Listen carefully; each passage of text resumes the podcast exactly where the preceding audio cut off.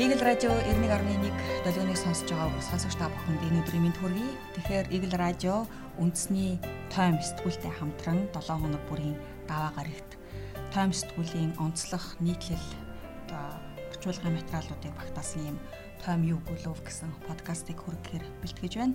За анхны дугаарын маань хөтлөгчөөр тойм сэтгүүлийн сэтгүүлч Лавсроо нийтлэлж бацаахнаар оролцож байна. Өдрийн мэнд хүргэе бацаахаа. За чамчгс өдрийн мэнд хүргэе. Тэгэхээр таймайн өнөөдөр 463 дахь дугаараа гаргаж байна. Тэгэхээр энэ дугаарт ямар сэдвийг онцолж байгаа лээ бид?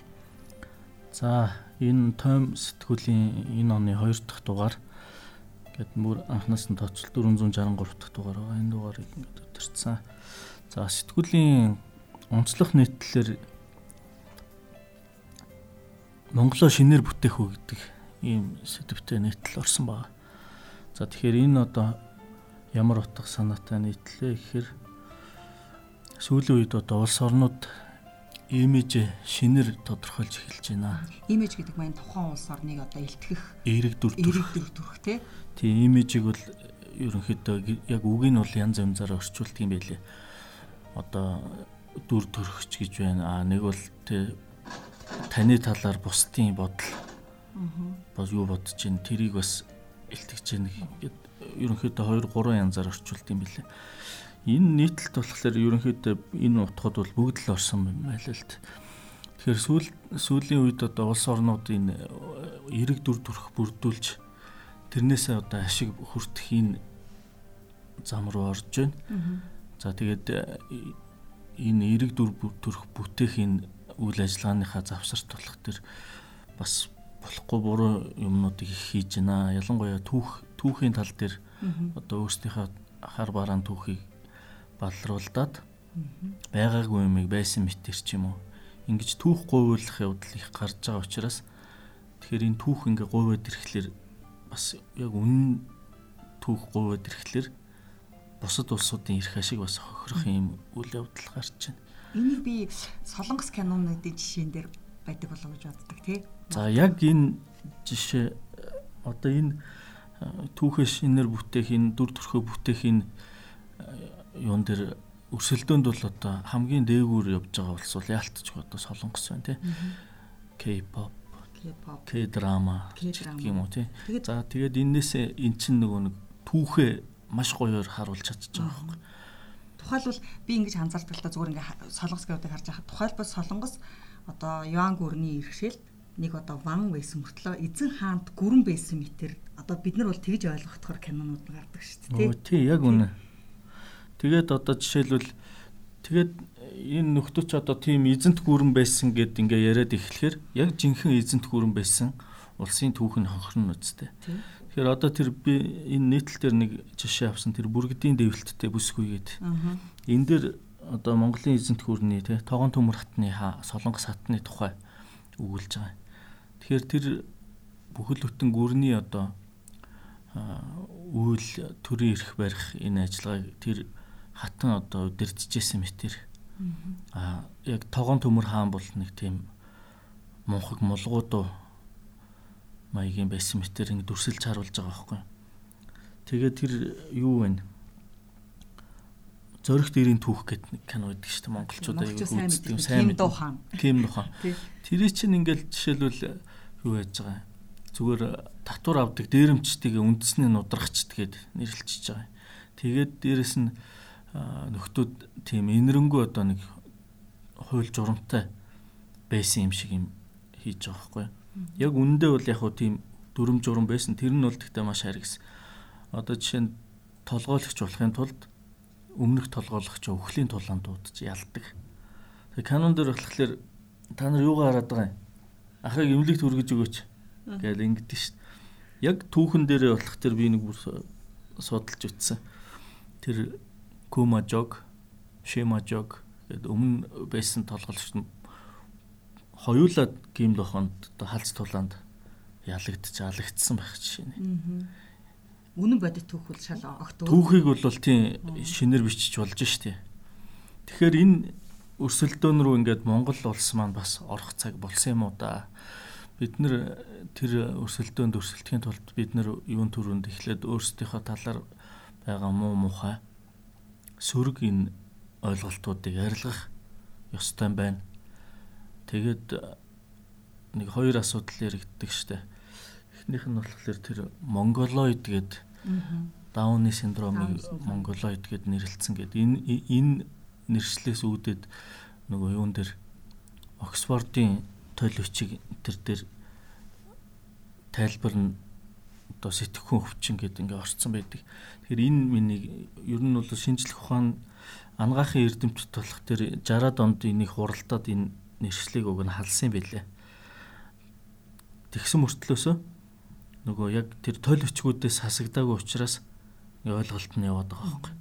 Тэгэхээр энэ минь нэг залруулах тал дээр бид сая энэтэй холбогдуулаад нэг нөгөө формулагийн тамирчин мэт доромжилсан үг хэлэг гаргасан гэдэг олон улсын эвлэр нэлийн шугад тариадсан тий. Тий. Тэгэхээр яг энэ асуудал байхгүй. Одоо жишээлбэл тэр тойл өчиг дээр жишээ нь монголизм гэхэд изм гэхээр нөгөө сургаал номлол гэж ингэж явдаг тий. Менталитет гэхээр ялгарл гэд ингээд орчуулна. Тэгэхээр Mongolian менталитет гэд хэлэхээр хүмүүс Монголын одоо Монгол ялгарл хэв шинжтэй онцлог гэж ойлгох боловч яг дэлхийн нийт болох төр Mongolian менталитет гэхээр сэтгцийн гажиг гэдэг юм ойлголт тэнд яваад байгаа хэрэг. Тэгэхээр энийг бол бас эрдэмтэй хүмүүс өмнө хөндөж бас биччихсэн юм билээ.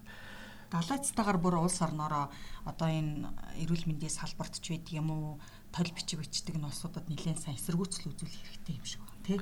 Тэгээ энэ шиг яг хөө бид нар өөрсдөө ингээд нөгөө нэг нэг тоохгүй яваад байгаа болохоос биш энийг өөрчлөхөд бол нэг тийм хэцүү зүйл бол биш гэж бодож байна. Тэгээд яг тэнд нь ингээд өөрчлөгдөд явах юм бол ойлголт бол тэгээ цагийн явцад бас өөрчлөгдөд явчихна боломжтой. Одоо яг монголчуудын монголчуудын өөрсдөө яг өнөө цагийн монголчуудын бүтээж байгаа Монголын дүр төрх ямар байгаа юм бэ? Бид нар ч одоо эзэн Чингис хаан гэсэн 800 жилийн өмнөх хүний нэрээр л одоо хүртэл яваад байгаа юм шүү.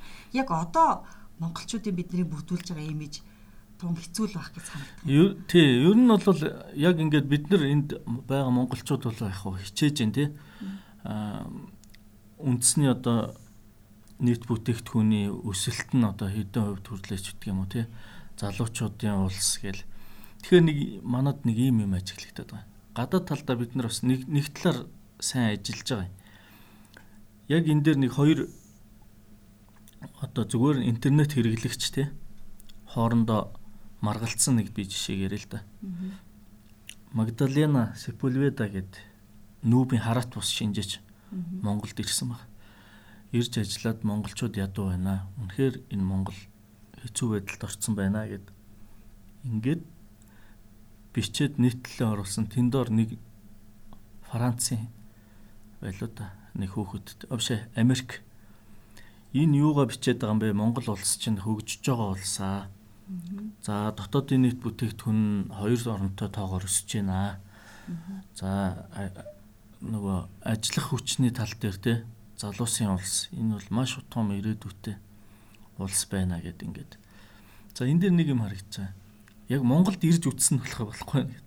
А гаднаас ингээд анзаарч харж байгаа хүн болох дээр ингээ гоё харагдаад байна тий. Тэгэхээр бид нар имиж тал дээр уг нь бас ингээд ажиллаад ажиллаад яг ажиллаагүйгээр ерөнхийдөө тийм эрэг дүр төрх бол биднэрт бас байна тийм үү.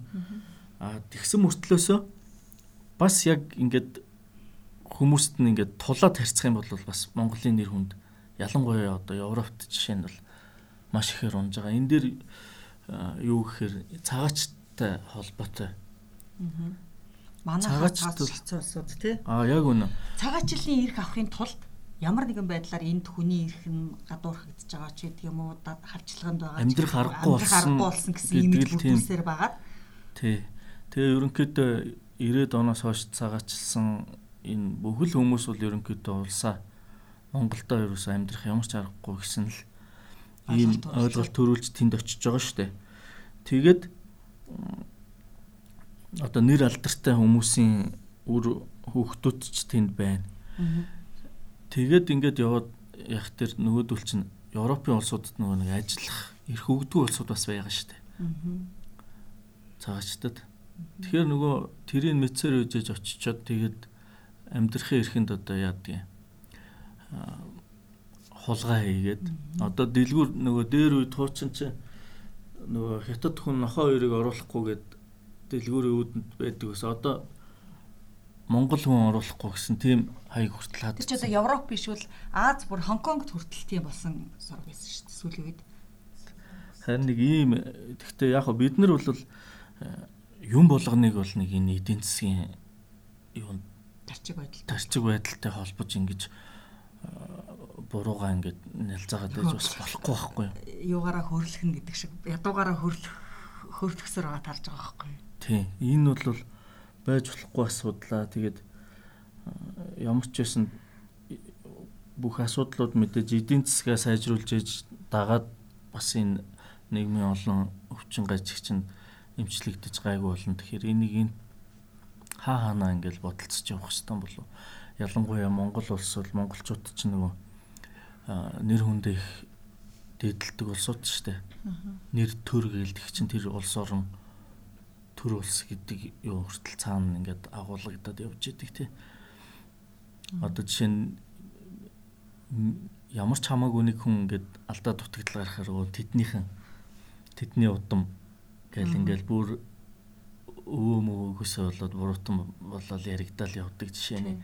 Тэгэхээр энэ уламжлалыг одоо бид нар энэ бас тийм муу юм биш байхгүй юу?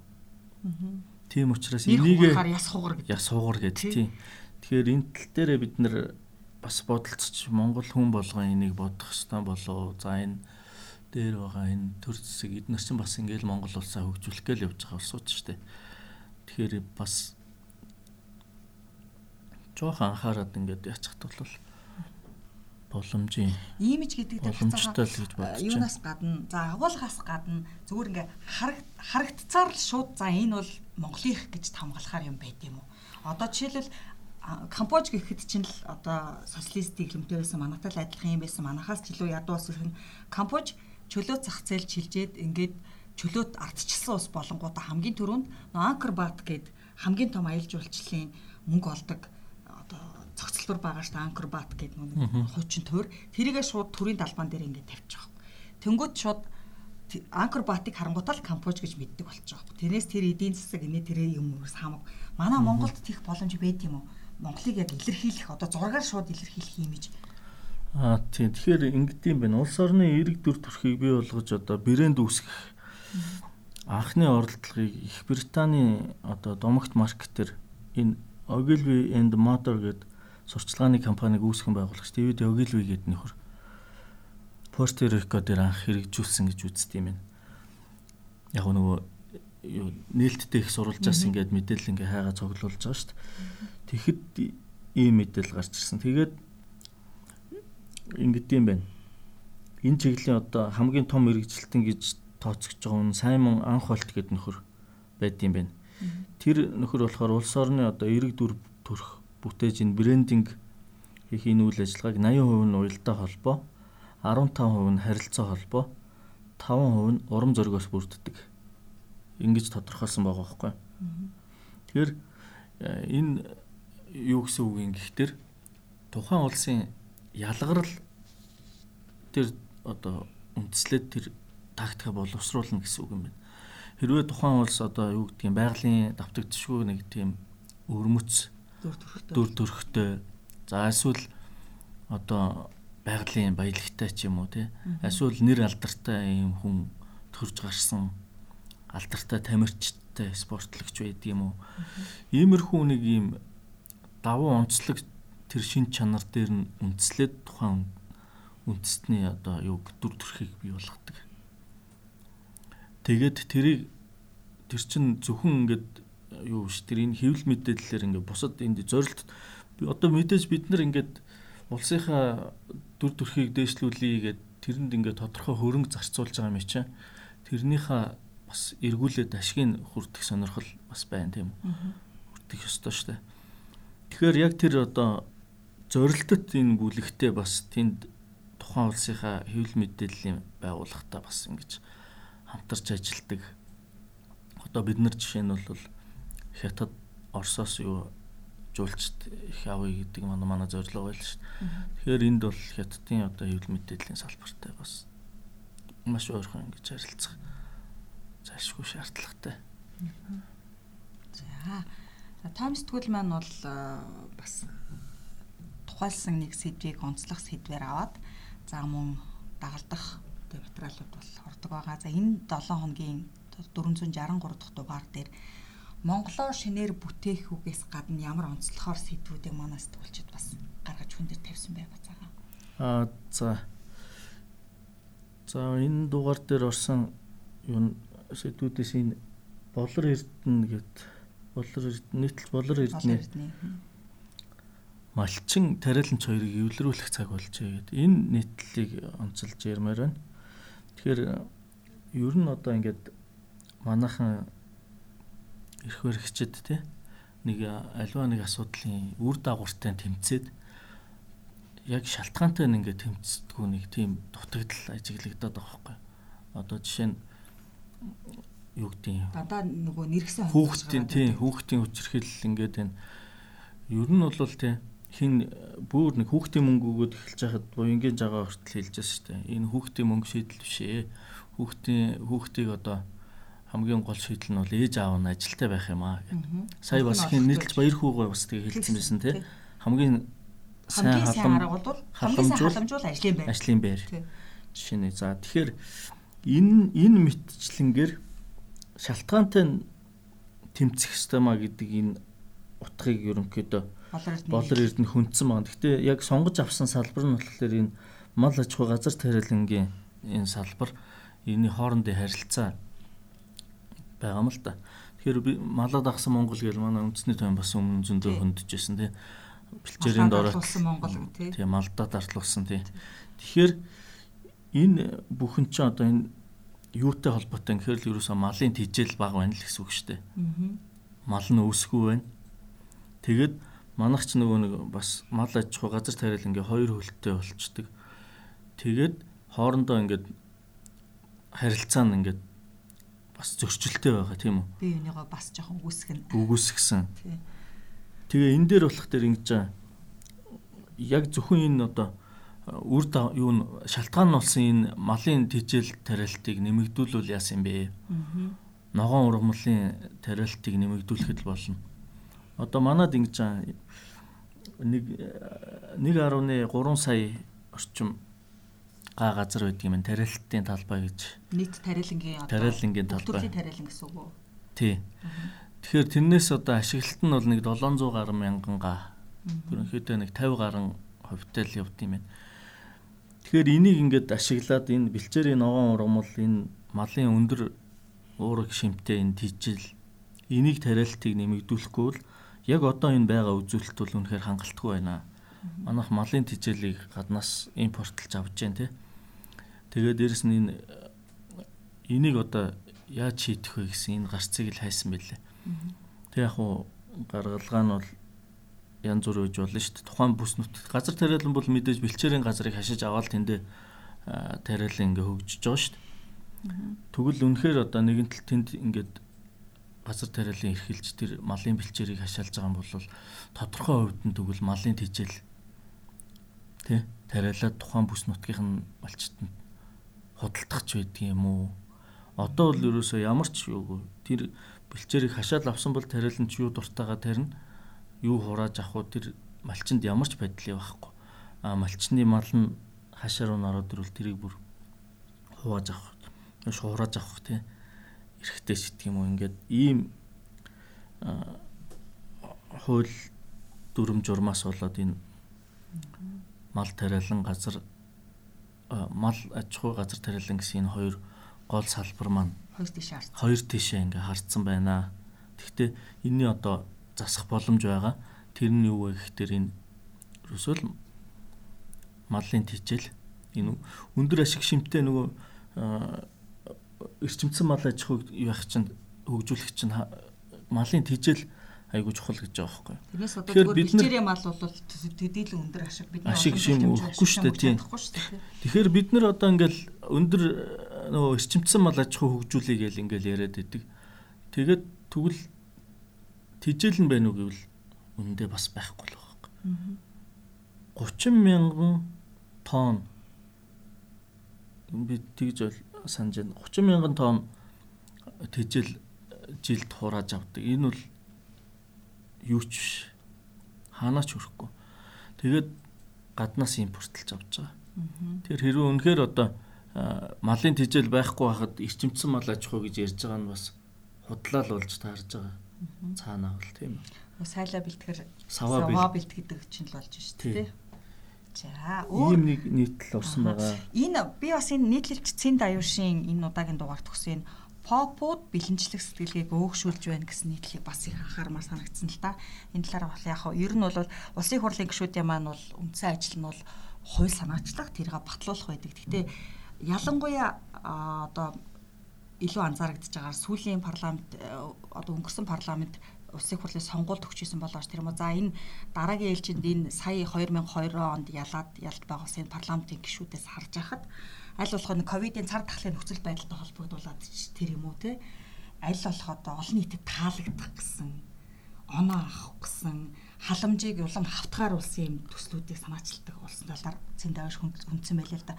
Бараг л одоо 7 хоногт нэг гишүүн гарч ирээл энэ дээр гарч ирээл энийг чинч тэглээд өгье, тэрийг чинч цуцлаад өгье, энийг чинч хууг хүүг одоо хойшлуулад өгье гэсэн юм хуйлууд санаачилж байна. Бас энэ талаар хүндсэн байсан тийм попод үлэнчлэх сэтгэлгээг өөгшүүлж байна гэд халамжийн бодлого бол буруу юм биш л дээ. Гэхдээ тэр нь оновчтой байх хэвээр. Хөр зорилтод бүлэгтэй зорилтод бүлэгтэй л арай ахиу хэмжээтэй очиж явах хэвээр. Тэгэхээр энэ нийтлэл төр болох тэр яг олон нийтэд хамаатай тодорхой жишээн дээр ярьсан байлаа. Ломбардын сарын хүүг 3% сэтрүүлэхгүй байх. За ган хуйг дамдны мамар төвшин нарын гişүүд одоо бизнесийн зээлийн хүүг 50% бууруулах тий. За энэ хуулиуд бол хэрэгтэй юу хэрэгтэй. Энэ батлагдаад гарах юм бол ард түмний амьдрал бас нэмэр болох уу болно. Гэхдээ энэний цаана ямар үр дагавар байж болох вэ? Гэдгийг бас бодолцох хэрэгтэй гэсэн ийм утга агуулгатай. Ядарсан ч торгуулаа төлөх хариуцлагатай нэргэдэг үлдээх хэрэгтэй гэсэн өнцөг бас гарсан байсан. Тий одоо тэр нөгөө торгуулийн хүчингү болгоё гэд хин гişүн пүр дөрж гişүн байв. Одоо энэ дэр нийтлэл дээр байгаа жишээнээс би дүрдээ л да. Тээврийн цагдаагийн албанаас нийслэлийн хэмжээнд 1.7 сая торгуул ногдуулсан ч төлөлт нь 78% та байгаа гэсэн жишээ авсан байгаа л да. Тэгэхээр ер нь бол ядарсан зүдэрсэндээ ч торгуулаа төлж чадахгүй да байгаа л биш л байгаа байхгүй. Ер нь хариуцлагатай иргэн байхаас л цогтж байгаа хэрэг те. Тиймээс хичнээн ядарсан ч гэсэн иргэдийг одоо ядахтал хүн хуулийн дор бол амьдрах хэрэгтэй зөрчил торгуулаад төлтгөл байх хэрэгтэй гэсэн юм сэтгэлийг бас суулгах хэрэгтэй хаа гэж дурдсан байсан. За энэ тэгээд эн чин ингээд э, халамжлаад ах тэр хүн юу болдгоо гэвэл амтан болж л хувирдаг байхгүй одоо нөгөө инденчуудын жишээ шүү дээ. Инденчуудын чинь газрын англичууд чинь газрын түрээсэлж авсан гэд. Аа. 100 жилээр үлээ 200 жилээр үлээ ингээд түрээсэлж аваад тэгэл өндөр цалин бүнлүү өгөөл явсан нөгөөдүүл нь тэр мөнгөөр архиугаал. Тий. Сүлдээ ямар хуу гонхт үндэстнэрээ тий мөхөлт. Одоо яг л иймэрхүү юм руу явж штэ. Манай Монгол бол халамжийн тал дээр бол хинээс ч альч улсаас дутхгүй тийм бодлого хэрэгжүүлдэг тийм улс. А энийг яг эрүүлэр хүлээж авах тэр сэтгэлгээтэй ард түмэн байна уу гэвэл бол манай тэр нь их асуудалтай тий. Одоо Герман гэхэд жишээлбэл ингээд маш олон юутай халамжийн бодлого байна.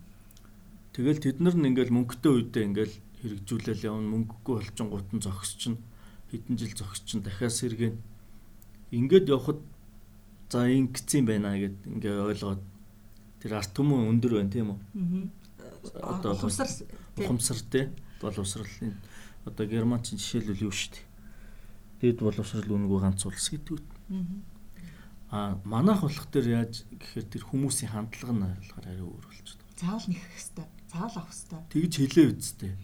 Тэгэд нөгөө нэг сайн юм санаад ингээд санаж бодсон юм одоо ийм хувилбар байж болох юм а гэдэг юм а илэрхийлсэн тэр улс төрчийг бүр цаашдынх нь бүр улс тэр ч одоо ингээд иймэрхүү бодлого хэрэгжүүлж болох юм аа. Арт түмэнд ингээд энэ асуудлыг шийдэх юм а гэдэг чинь энэ бол сайн улс төрчийн шинж мөн бицтэй арт түмнээ бодож байгаагийн шинж мөн бицтэй гэтэл тухайн үеийн одоо санхүүгийн нөхцөл байдал боломжгүйгээс болоод хэрэгжээгүй цаашдаа бол хэрэгжиж болохыг үгүйсэхгүй тийм үү Гэтэл тэр асуудлын ингээл дүүргээл тэр тухайн тэр сайн улс төрчийг жишээ нь бүр цаашдынх нь карьерийг үгүй хийж. Хийх хэмжээний юм юм болж штэ. Тэгээ ерөнхийдөө одоо энэ дэлхийн нийтээр нэг юм юу гарч байна. Аа ардчлалын сул тал гэдээ яриад байна л да. Тэр нь юу гэхээр баян хоосны ялгаа ингээд холдоод ирэхтэр ядуус нь хит олон болж байна. Тэгээ ядуус олонх болоод ирэхтэр нөгөө төр чин арчлалтай ус учраас сонгуулаар юу засгийн эрх барих юугаас намаа хүчнээ сонгоно шүү дээ улс төрийн хүчнээ. Тэгэхээр нөгөө улс төрийн хүчнүүд нь ядууст зориулсан арай айлтгах поп амлалт. Поп тийм амлалт уралдуулахаас өөр ямар ч аргагүй болчиход байгаа. Сонгуулийн үед одоо жишээ нь нэг эрдэмтэн судлаачийн санал нэг ядуу гуйлгасны саналтай нэг л тэнцэж байгаа шүү дээ. Хүүний хувьд бол тэгнь шүү дээ. Тэгэхээр тийм тэгэхээр одоо энэ үнэхээр одоо энэ асуудлыг яаж шийдэх вэ? Энэ арчлалын нэг сул тал болоод хуурчлаа. Энийг шийдэхин тулд яг нэг арга нь мэдээж юу байгаа. Баялагын хуваарлтыг бас тэгшүүлэхин оролдлогод хийгдэж эхэлж байна. А нөгөө талаар бас энэ санал авах системийг яаж илүү боловсронгуй болгох уу гэдэг энэ тал руу бас маш судалгаа шинжилгээний ажлууд бас хийгдэж байгаа шиг юм дээ. Давхар бас энэ боловсролын асуудалч яригдах бах тий. Нийт нийт нийт нийгмээр нь бас боловсролын төвшөнтэй иршлүүлэх. Тий. Тий. Эдийн засгаа одоо жишээ нь ингэж байгаа штэ. Монголчууд энэ баялагын сан байгуу нөгөө ирээдүйн өв сангийн тухай хууль батлаад ингээд хоримтлал үүсгэж байна Норвегийн жишээ хүмүүс их яриад байдаг. Норвег ингэдэм билээ. А мөнгө хоримтлууллаа. Тэгээ тэр хорим хоримтлалаа иргэддээ яаж хүртэж яах гэхээр төсөөрөө дамжуулж хүртэн. Төсөөрүүгээ хийж өгнө мөнгөө. А тэгээд илүү гарах юм бол тэрийг харин хүмүүсийнхаа иргэдийнхээ одоо дансан дээр бичлэлт хийж нэмдэг. А үлдэхгүй бол тэр нэмэхгүй заяа. Заавал тэр хүнд ингээд мөнгө ингээд жил болгон өгж явах албагүй хамгийн гол нь тэр хүртэж байгаа үйлчлэгийг нь тэгшдэгдэг. Норвегид жишээ нь би уншиж байсан. Норвегийн хаан зүгээр жирийн нэг иргэнтэй ингээд хаан ингээ эмнэлэгт хөвтлээ гэхэд ингээл нэг тасагтл ингээл оруулна. Ямар ялгаагүй. Ялгаагүй одоо хаан харц ялгаагүй тийм үйлчлэг авч штэ нийгмийн тэр хүртээмжийн ингээд тэгш хүртээмжтэй болгоод дээрэс нь чанарыг өсгөх энэ тал дээр л голж анхаарч байгаа байхгүй. Тэгэхээр бид нар одоо хичнээн ингээд одоо бас нэг мөнгө төгрөг байгаа шүү дээ. Хэдэн төгрөг хуримтлан цэгэдлээ. Тэгэд энийг яаж зарцуулах вэ гэвэл энэ нийгмийн юундаа л зарцуулах зөв юм болов гэж би бодоод байгаа. Боловсрол. Манайхан тэгээ төрүүлээд тэглээд босчих واخ. Ер нь тийм тэр тэгээд энэ өөр мөр гэдэг чинь нэг эдийн засаг чинь хэлжсэн шүү дээ. Монголчууд энэ хэрэглээний зээл авах энэ юунд нь ирэхтэж энэ чи сэтгцийн өвчин гэд хэлсэн байсан шүү. Дон гэд хэлсэн байсан шүү.